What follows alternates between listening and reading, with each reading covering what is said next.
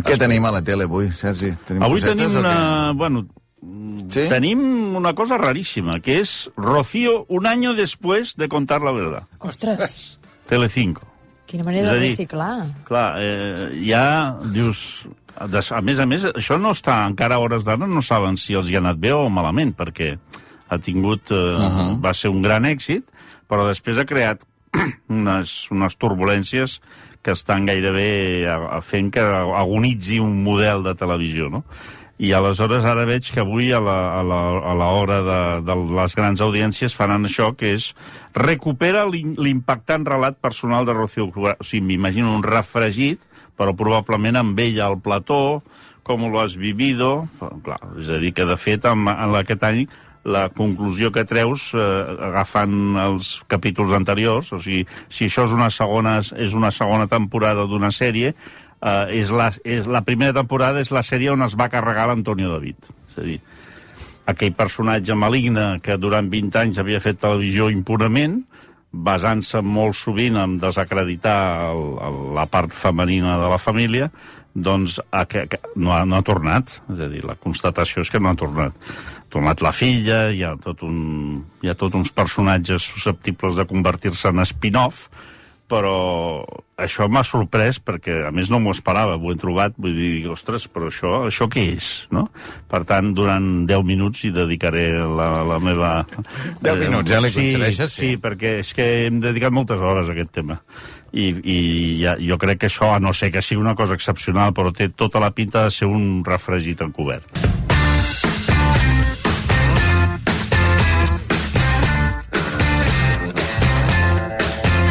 Un quart de nou i dos minuts, amb el Joaquim Luna i amb el Sergi Pàmies, que ens parlava d'aquest especial que hi ha Rocío un any després de contar la verdad, no? a Sí, Telecinco. llavors, si vols entrar en una fase més, eh, més eh, convencional des del punt de vista informatiu, tens a Sense Ficció eh, un reportatge sobre eh, Putin, diguéssim, la, centrat en, en una, en una ex-admiradora de Putin, l'evolució, no?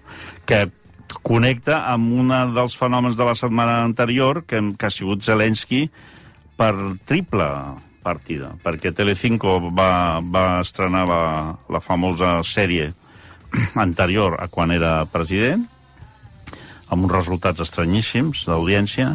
Eh, Vol dir dolents. Dolents, però, però no tan dolents com... O sigui, irregulars. Uh -huh. perquè, de, bueno, depèn del moment, Sí, sí, sí. començava, la gent ho seguia, després ja no. Molt dolents per lo que ells esperen sempre. I després el fet d'agafar els Telecinco, qui, no, qui, qui estrenés això, també havia sorprès. És una Telecinco ara mateix està desorientada, no? És una cadena que no sap cap on tirar, pot ser? Bueno, perquè diguéssim que tot l'èxit de Telecinco s'ha basat sempre en una estratègia que és llançar el dart i després posar la diana. I aleshores, eh, ara, ara això ja no poden fer-ho. I aleshores, o van posant dianes a llocs que no, que no hi ha d'art. I això és, és dificultós. Però ells sempre han, han provat, i si els hi anava bé, tiraven sense grans pretensions. Però això segurament és una oportunitat. Ho tenien allà, diuen, quin és el moment de fer-ho? Ara.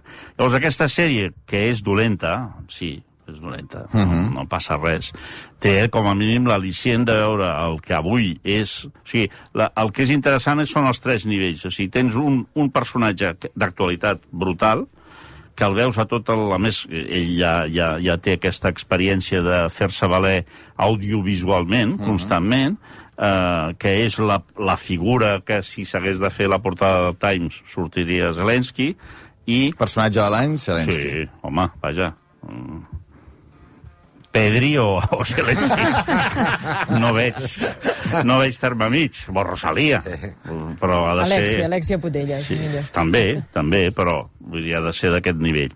I aleshores el, el, el Zelensky el tens al Telenotícies, el tens als documentals seriosos, ai, en, va, en van fer un, uh -huh. un el diumenge sobre, que era de producció francesa, sobre tota aquesta evolució, que a més hi havia unes imatges molt divertides dels seus principis, que era gairebé una comicitat molt primària, un tio que volia ser Benny Hill, i després, una cosa molt interessant és que t'explicava, quan comença a ser president, com tria la gent. És a dir, fa... eh, eh, exàmens d'aquests de mentida, polígrafs, eh, als seus col·laboradors. Vull dir, és una cosa absolutament demencial. Mm. O sigui, no seria tampoc un exemple d'ideologia eh, de la sensatesa, o sigui, és més una extravagància. No? Probablement eh, triomfa a causa de la corrupció anterior. és el típic eh, personatge reactiu, no? després d'una època doncs, surt un tio simpàtic, jove, eh, de bon humor, i això ho arrasa. I després, clar, tens la, la, la, la història, la història en majúscula, i el veus parlant per la ONU, i el veus intervenint en, en, en debats d'alçada. De, per tant, això no crec que es torni a produir. Perquè ara, Joaquim, tu que has tornat, en aquest període de desconnexió del de, de mes i mig a Ucraïna, Tens ganes de veure-ho tot? De veure tots aquests reportatges de Zelensky, el que avui faran a Putin, o encara et convé sí, dir, escolta'm... Sí, vaig veure aquest del diumenge, sí, sí, sí. tens ganes de veure, d'entendre millor, no? Mm. Perquè com has estat, però segueixes sense entendre tantes coses i... i sí, sí, sí jo crec que, a més, aquests documentals és un moment extraordinari, clar. No, no, sí, sí, evident, però, sí, sí, sí. però una cosa és per, pels no, altres espectadors i l'altra és per tu, diguem, de, sí, que parlant precisament... De... jo no jo ignorava aquestes proves amb el polígrafo, mm. aquell on va semblar una mica esgarrifós. Sí, mm. perquè hi ha una part, i després, per exemple, una de les dificultats que tenim ara és tenir la versió russa, no? ah. que això és, jo crec que de tot el que està passant és, eh, el periodisme, dic, és el més eh, trist, perquè el periodisme hauria d'arribar també a explicar-nos com ho viuen els russos, quin és el punt de vista rus, i, per exemple, la, jo tinc bueno, familiars allà, llavors va, intento rascar, i el menyspreu eh, que, que encara detecto dels russos cap als ucranians és una cosa eh, difícil d'entendre, sobretot quan estàs, eh, diguéssim, en el, en el bàndol que intenta explicar la guerra amb, amb els ulls de les víctimes, uh -huh. és evident però en canvi eh, eh, hi ha països, eh, Argentina o Mèxic, que tenen relacions ambigües amb Putin i, per tant, informativament encara tenen alguna connexió amb, amb la Rússia informativa, que no te'n pots refiar de gairebé res, a vegades veus eh, informacions sobre so, que no saps si són propaganda o intoxicació o el que és, sobre, però que són peces periodístiques de, de periodistes que més o menys respectes, i és molt curiós, vull dir que tant de bo poguéssim tenir aquest, aquest doble joc. Ara, posats a triar, és evident que hem d'explicar el que passa mm -hmm. a mhm. Ucrània. Mm -hmm. Puc canviar de tema? I tant. Diumenge 50 anys de l'1, 2, 3. Ostres, ara no sé si és una bona notícia o, o una mala notícia. No, perquè... No, però me l'imaginava més gran, saps? Vull dir, no, no m'ha no no sonat a que, ostres, saps? És que jo diria que recordo el primer programa, pràcticament, Home, sí. de molt, molt, molt nen, eh? En tinc 55, sí. diguem, però és que 50 anys d'un programa i que recordis com va mm. començar, i que més és un programa que és curiós perquè perquè sí que recordo mirar-lo molt de nen, però llavors s'ha com mitificat molt i ja no saps si, si és el record, o sigui, si, si és millor eh, tal com el mirem ara l'1, 2, 3 de com era llavors, no sé quin record en teniu. El, el 1, 2, 3 té un problema que és ab abans o després del Jo fui a EGB. Mm.